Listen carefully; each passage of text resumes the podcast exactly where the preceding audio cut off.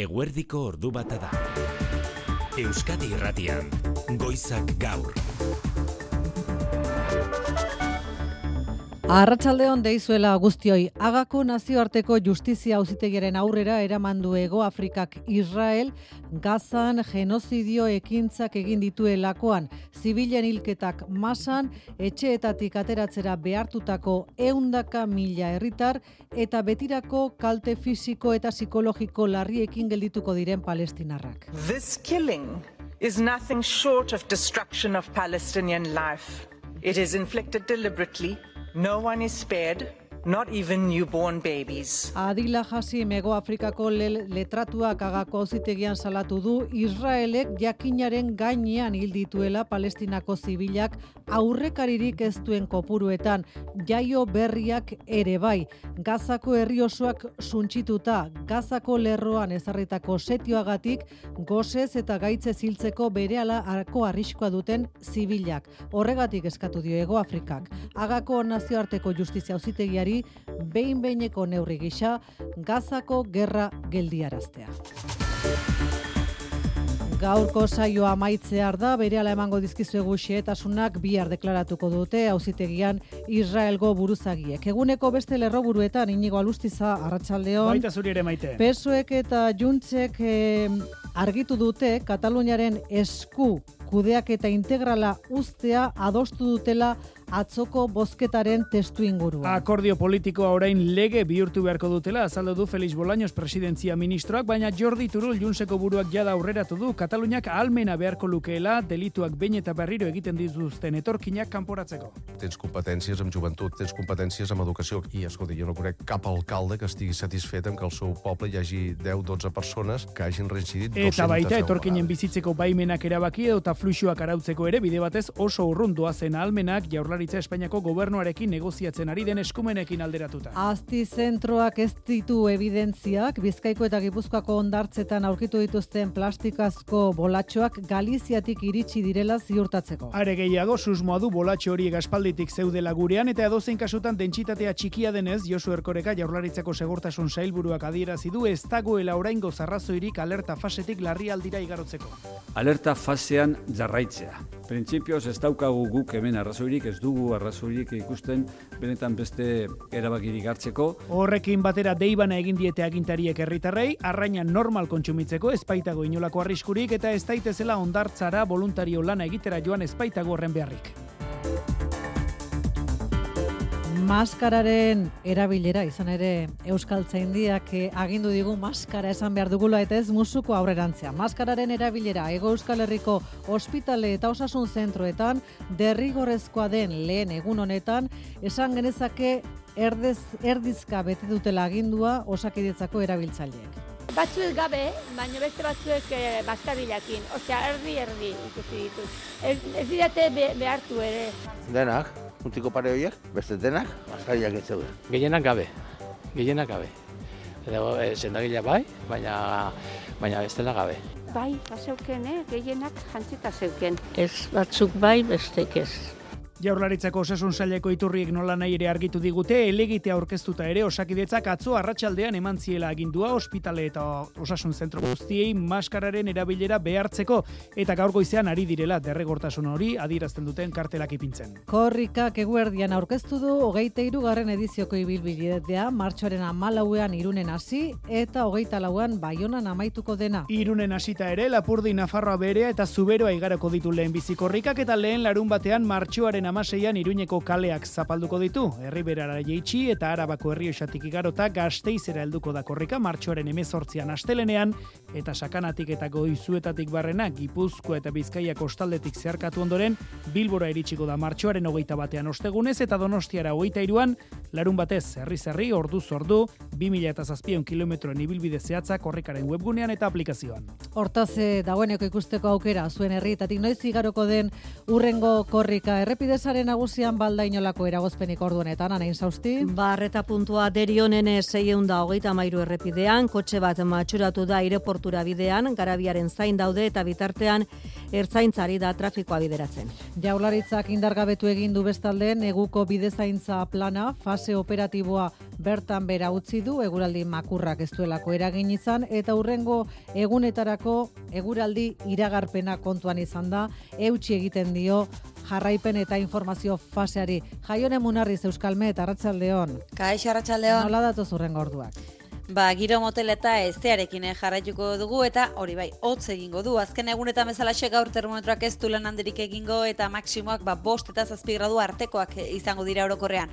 Kanta hori aldean, ba, oraindik eh, noiz benka hori pixka bat egingo du eta gaualderako denean atartuko du. Ala gauean odeitzaren duz joango da, saretuz eta ondorioz temperatura asko jaitxiliteke eta ostarteak irekitzen diren lekuetan barnealdean izotza egingo du. Beraz, ostirala izotz kontuekin hasiko dugu txoko askotan eta odeigune guneak ere izango ditugu hainbat bazterreta, baina poliki poliki altxatu eta bihar eguzkitzu geldituko da.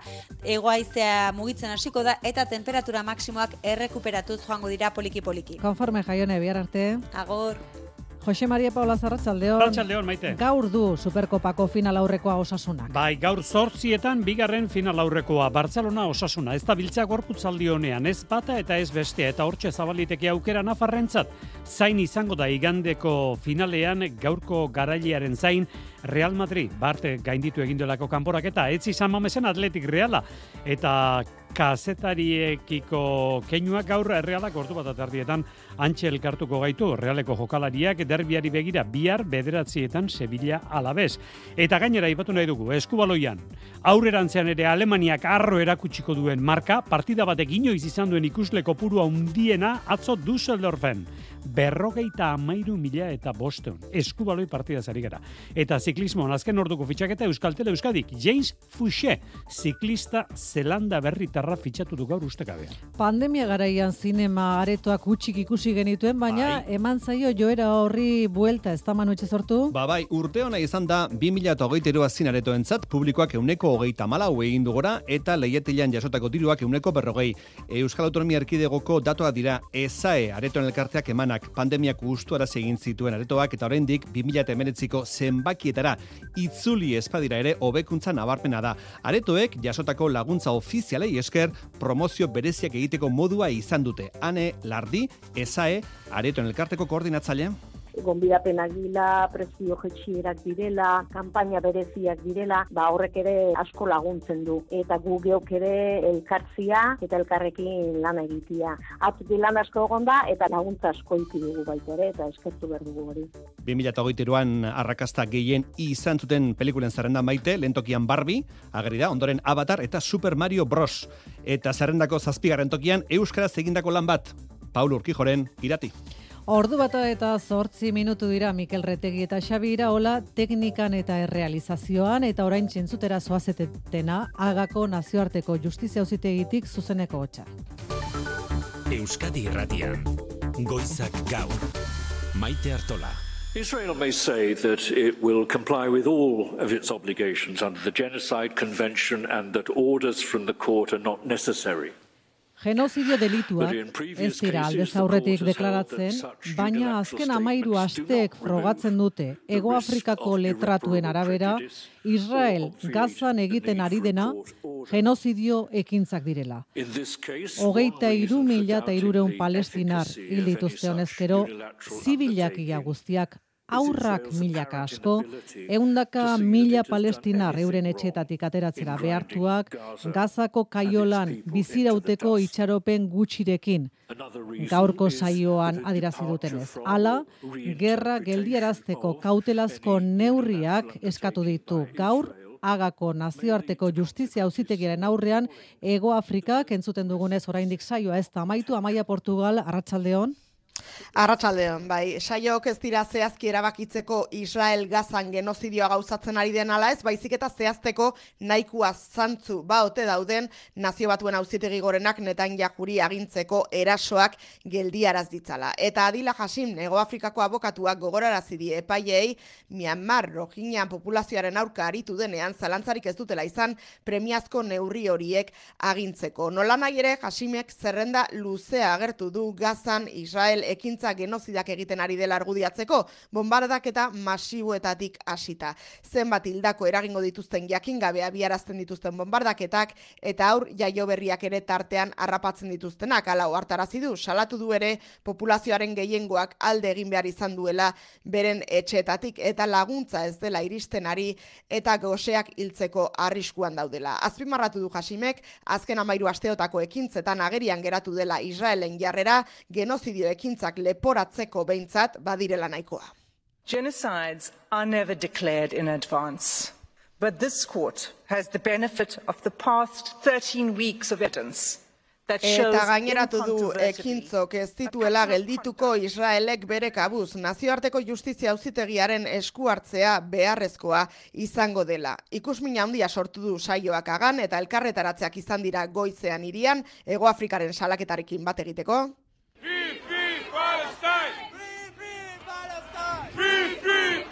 Eta Netanyahuren gobernua babesteko ere izan dira beste elkarretaratze batzuk. Bihar izango dute beren burua defendatzeko saioa Israelgo estatuaren abokatuek. Agako hauzi saioa hasi atarian adirazpen publiko egin du Benjamin Netanyahu Israelgo ministroak esateko Palestinarrak gazatik botatzeko asmorik ez dutela izan bere gobernuko hainbat kidek kontrakoa esan arren. Aginte Palestinarraren txataldiz, gaur hasitako bidea, lehen urratsa izan daiteke Israelen krimenak epaitu al izateko landerra izagirre. Nazio batuen segurtasun kontseiluak utxe egin duela sentitzen du aginte palestinarrak, ez duela genozidioa delituak geldiarazteko bere egitekoa bete, baina orain gerra hasi eta hiru hilabetera, Israelen krimenak epaitzeko bide baten hasiera ikusten du nazioarteko justizia usitegian. This is a first step to end the suffering of the Palestinian people and holding Israeli crimes to account.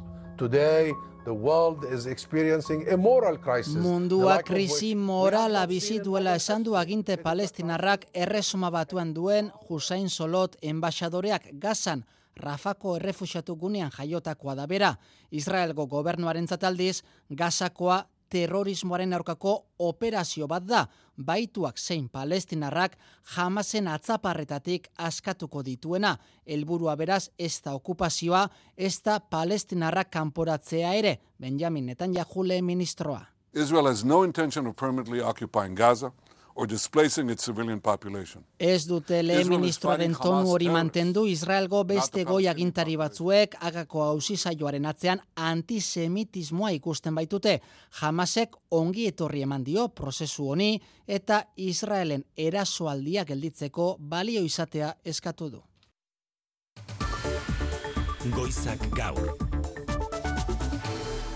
Ordu bata eta mairu minutu dira etxera etorrita eta behin betiko emaitzen zain, orain arte gure ondartzatan aurkitutako pelet bolatxoak tokona untziak galdutakoak direnik, ez dute frogatu azti eta geikerreko adituek areago ez direla galizatik iritsitakoak da ordu honetan hipotesi nagusia. Urrengo egunetan Euskal Kostaldera ere iritsiko direla seguru daude erakundeak, baina oso kopuru txikian eta horregatik jaularitzak ez du alarma egoera ezartzeko asmorik. Larritasuna bere mailara jeisteko deia egin du gaur jaularitzak bildu duen aholku batzordeak eta besteak beste herritarrei arraina lasai jateko deia urtzigartzi arratsaldeon. Arratzalde maite bai, lasaitasun mezu igorri dute erakundeek Euskal Uretan itsasoan ez da plastikozko bolatxorik aurkitu eta lehorren lehorrean atzemandako ere oso kantitate txikian izan dela. Datu zen egunetan ez da espero bolatxo edo pinporta iritsira masiborik Rogelio Pozo aziko zuzendariak esan duenez. Es que, en principio, durante los próximos cuatro días no se debería de esperar una arribada de este tipo de contaminante en las playas vascas. Elitzategela iritsi behar datozen lau egunetan. Esto no quita que, evidentemente, dado que no han podido ser observados, que quizás algún masaca haya podido moverse más rápidamente, haya podido llegar y podemos Ala ere, posible dela mato beste iristea eta Euskal Kostaldean atzemandako bolatxo apur horien analizien zein beraz esan dezakegu gaur gaurko ezin dela esan ba Galiziatik eh, datozenik Josu Erkoreka segurtasun zailburua.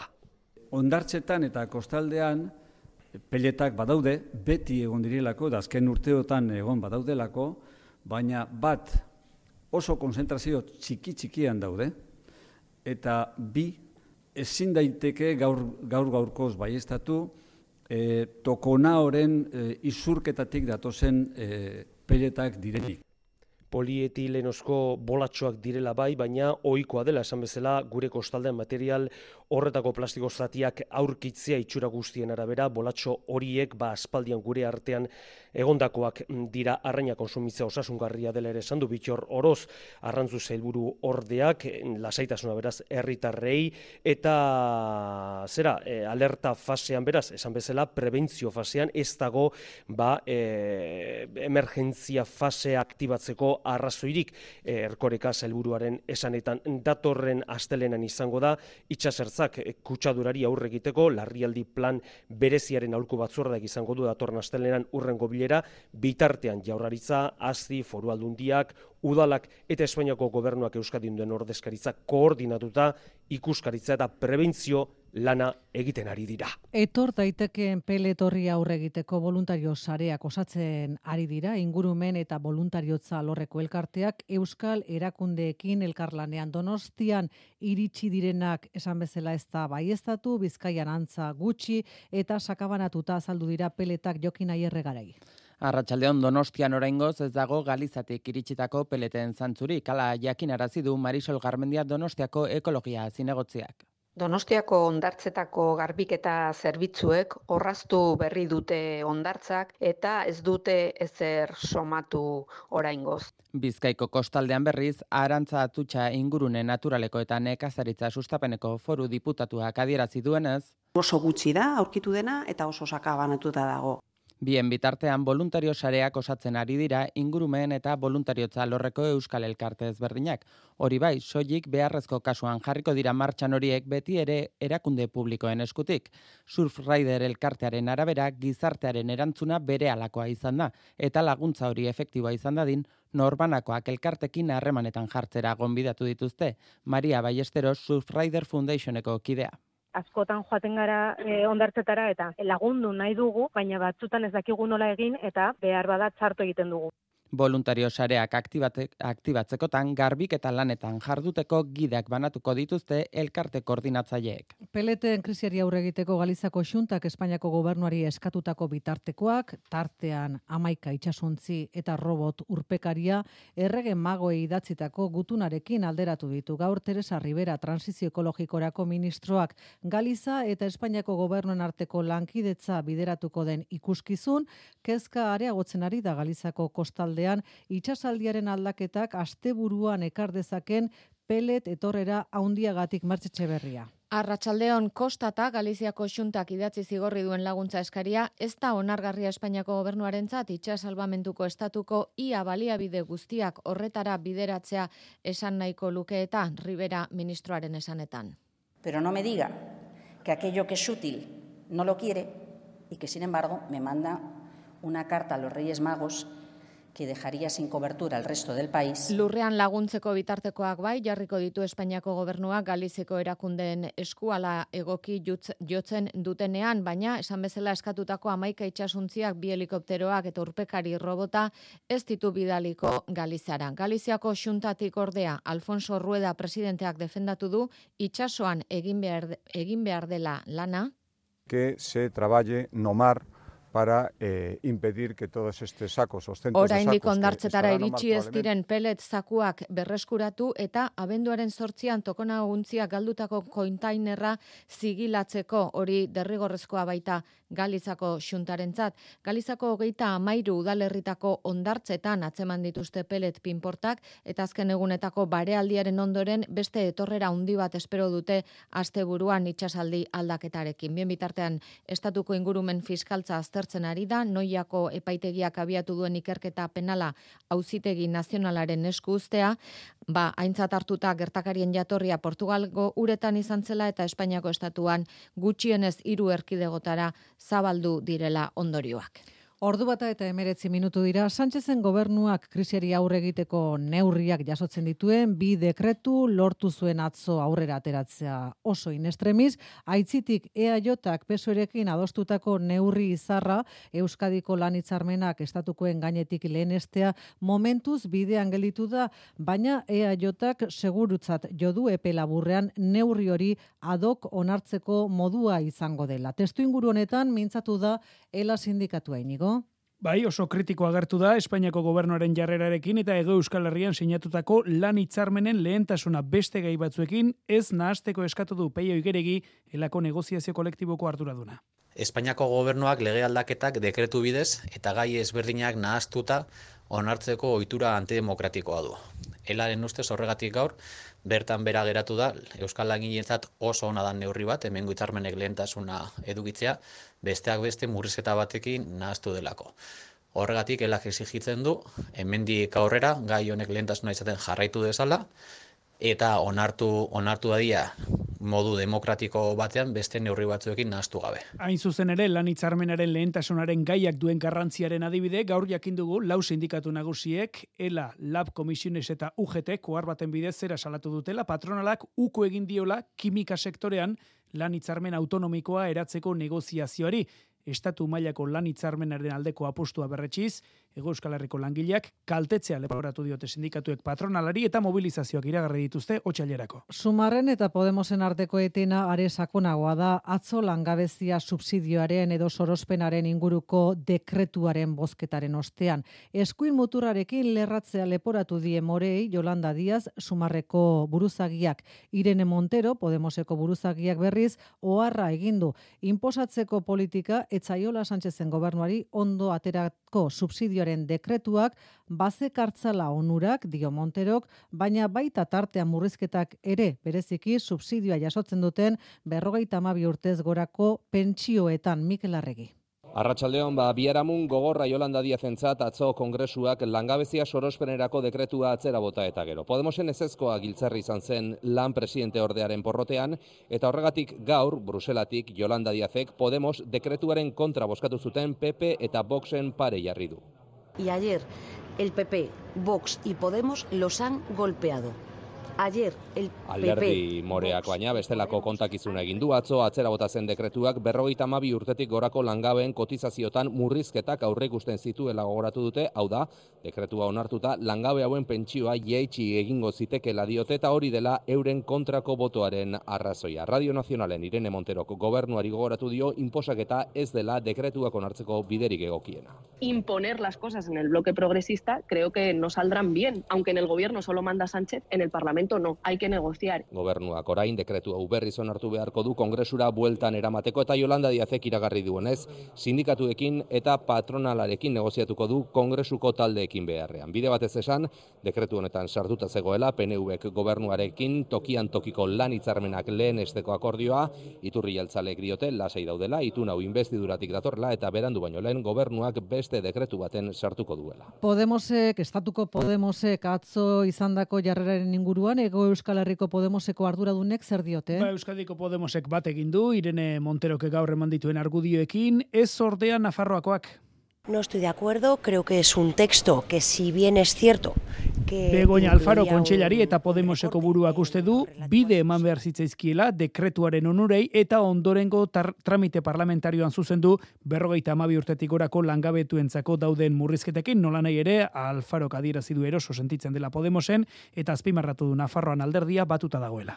Gai honen inguruan hitz egin du Euskadiko Alderdi Popularrak ere Sánchez Puigdemonten txontxongilotzat hartuta eta Euskadiko Alderdi Popularrak bestalde legebiltzarreko hauteskundetarako bi aukera besterik ez daudela adierazi du beraiena eta sigla ezberdinen atzean dauden beste lau alderdik ordezkatzen dutena. Xabier Urteaga. Atzokotik hasita Puigdemont, Ventrilokoa, Sánchez Txotxongiloa eta investiduran babesa eman zioten alderdiak eaiotari aipamen eginez aportutako panpinak Ester Martínez Euskadiko peperen idazkari nagusiak ala irudikatu du atzo senatuan gertatutakoa. Tenemos un ventrílocuo, que es Puigdemont, que es el que está manejando los hilos.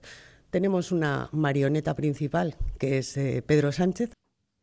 Alderdi Popularra Eusko Legebiltzarreko hauteskundetara begira lantzen ari den programa zere aritu da Martinez, etxe bizitza arloan jaurlaritzak eta Espainiako gobernuak onartutako egitasmoak kritikatu ditu eta PP etxe bizitza utxei ezarritako gainkargak ezabatuko dituela emandu jakitera. Hauteskundei begira bi aukera baino ez daudela esan du.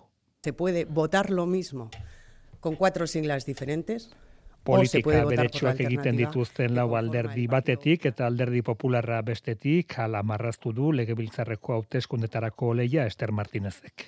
Jaularitzaren eskuetara iritsiko den urrengo hiru eskumenetako bat da inmigrazioari lotutakoa. Nola nahi ere, haren aplikazioa ez litzateke iritsiko itxuraz, Kataluniak izango duenaren mailara. Pesoek juntzekin adostutakoaren arabera, inmigrazioaren kudeak eta integrala geldituko da Kataluniaren esku. Konstituzioaren eunda berrogeita mar punto bi artikulotik abiatutako lege organikoari tiraka. Izki xea idatzi beharra dago, baina juntzek dio etorkinen erresidentzia baimenak eta fluxuak arautzeko aukera izango duela Kataluniak.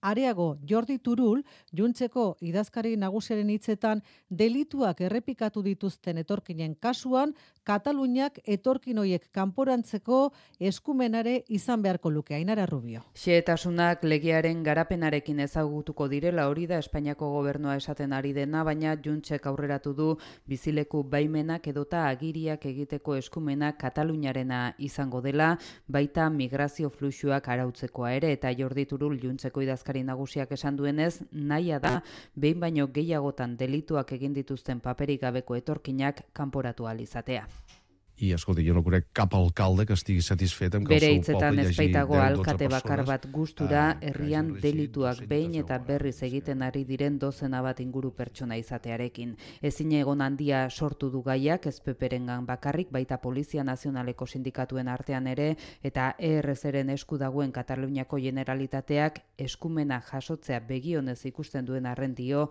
izki txikia bi gobernuen artean negoziatu behar dela. Aurre ikuspenen arabera, Euskal Autonomia Erkidegoak datozen hilabeteetan jaso dezake eskumena kasu honetan Jaurlaritzako iturrien arabera harrera integrazio politika edota aholkularitza juridikoa hartuko ditu bere gain ez mugen kontrola, asilo eskariak edota bizileku baimenak. Maskararen erabilera Ego Euskal Herriko Ospitale eta Osasun Zentroetan derrigorrezkoa den lehen egun honetan, Osasun Saileko iturriek argitu digute elegitea aurkeztuta dutela, Osakidetzak atzo arratsaldean emantziela agindua Ospitale eta Osasun Zentro guztiei maskararen erabilera behartzeko eta gaur goizean ari direla derrigortasun hori adirazten duten kartelak ipintzen izan ere despistaturik ere ikusi dugu gai honetan ambulategietan amarako lehenarretako zentroaren aurrean dago ainoa mendiburu aurrera ainoa. Kaixo, ambulategien atean ez dago maskara derrigor jantzi behar dean dela dioen oharrik bintzak gut ez dugu ikusi, ez gros, ez aldezarrean, ez eta hemen amarako atean momentuz ez dute zertxo ere jarri. Ikusi dugu hori bai, adinekoak sartu horretik, poltsikotik, maskara atera eta jantzten dutela. Horrela, seguruago sentitzen direla esan digute beti da parapeto bat, ez? Denantzago. Zergatik ez jarri? Nahi ondo jute zait. Jende asko dabil eta ez da jakitek zer da, zer da bilen eh, nel ambiente. Inork eh, haindu gabe ematen dute, baspa ere. Mediku zein erizainarekin konsulta pasate irtetzean, barruan maskara nork jazten duen galdetuta, denek diote mediku eta erizainak jantzita dutela, eta herritarren artean denetatik ikusi dute. Batzuek gabe, baina beste batzuek e, maskarilakin, osea, erdi-erdi ikusi ditut. Oik ez beste, mutiko pare horiek, beste denak, e, eh, maskariak ez zeuden. Bai, nes bai, bai, gurekin da areke bazaukan ipinita bai atentzioa eman digu hori bai, aldezarreko ambulategian harreran zita orduak eman eta telefonoa hartzen duten langileak maskararik gabe ikusi izana. Maska ez zuten herritarrei ambulategi barruan ez diete esan derrigor jantzi behar dutenik, ambulategien sarrera irteran gaur ikusitakoaren arira esan dezakegu adineko gehientsuenak jantzi jazten dutela eta maska gabe doa zela berrogei urtetik berakoak. Bizkaiko foru aldundiak bultzada berri eman dio Bilboko errekaldea auzoa bita manatzen duen zubibidea eraitsi eta saiesbidea eraikitzeko proiektuari gaurko gobernu bileran proiektuaren idazketa esleitu du gutxienez hiru urte beharko dira egitasmo konplexua idazteko eta ia 6 milioi euro bideratuko dira lan hoietara janire gere nabarrena. Bai, errekalde auzoa erdibitzen duen hiriesia 70 garren hamarkadan eraikitakoa bota eta Bilboko hiri eraldaketan behin betiko urra urratsa ematea du helburu egitasmoak egunero bataz beste, larogeita zazpi mila ibilgailuk zeharkatzen dute zubibidea, horietatik euneko iru ibilgailu astunak. Errekaldeko barrutiko, berrogeita mar mila biztanleren bizikalitatea hobetuko duen egitasmoa dela azpimarratu du Imanol Pradales Bizkaiko azpiegitura diputatuak. Iriko eta isialdiko espazioak berreskuratuko ditugu. Errekaldeko eta bilboko segurtasuna eta konektibitatea hobetuko dira eta nola ez, zarata eta kutsadura gutxiago izango da ingurune horretan. Bi kilometro pasatxoko saiesbide berria diseinatzeko lanak konplexuak izango dira, horregaiti gutxienez hiru urte beharko dira teknikoki eta ingurumenaren ikuspegitik bideragarria den egitasmoa zehazteko behin lanak hasita, beste lau urte beharko dira guztiz bukatu eta errekaldeko bizilagunen eskari historikoari erantzuna emateko. Arratsaldeko ordu bat aterdiak.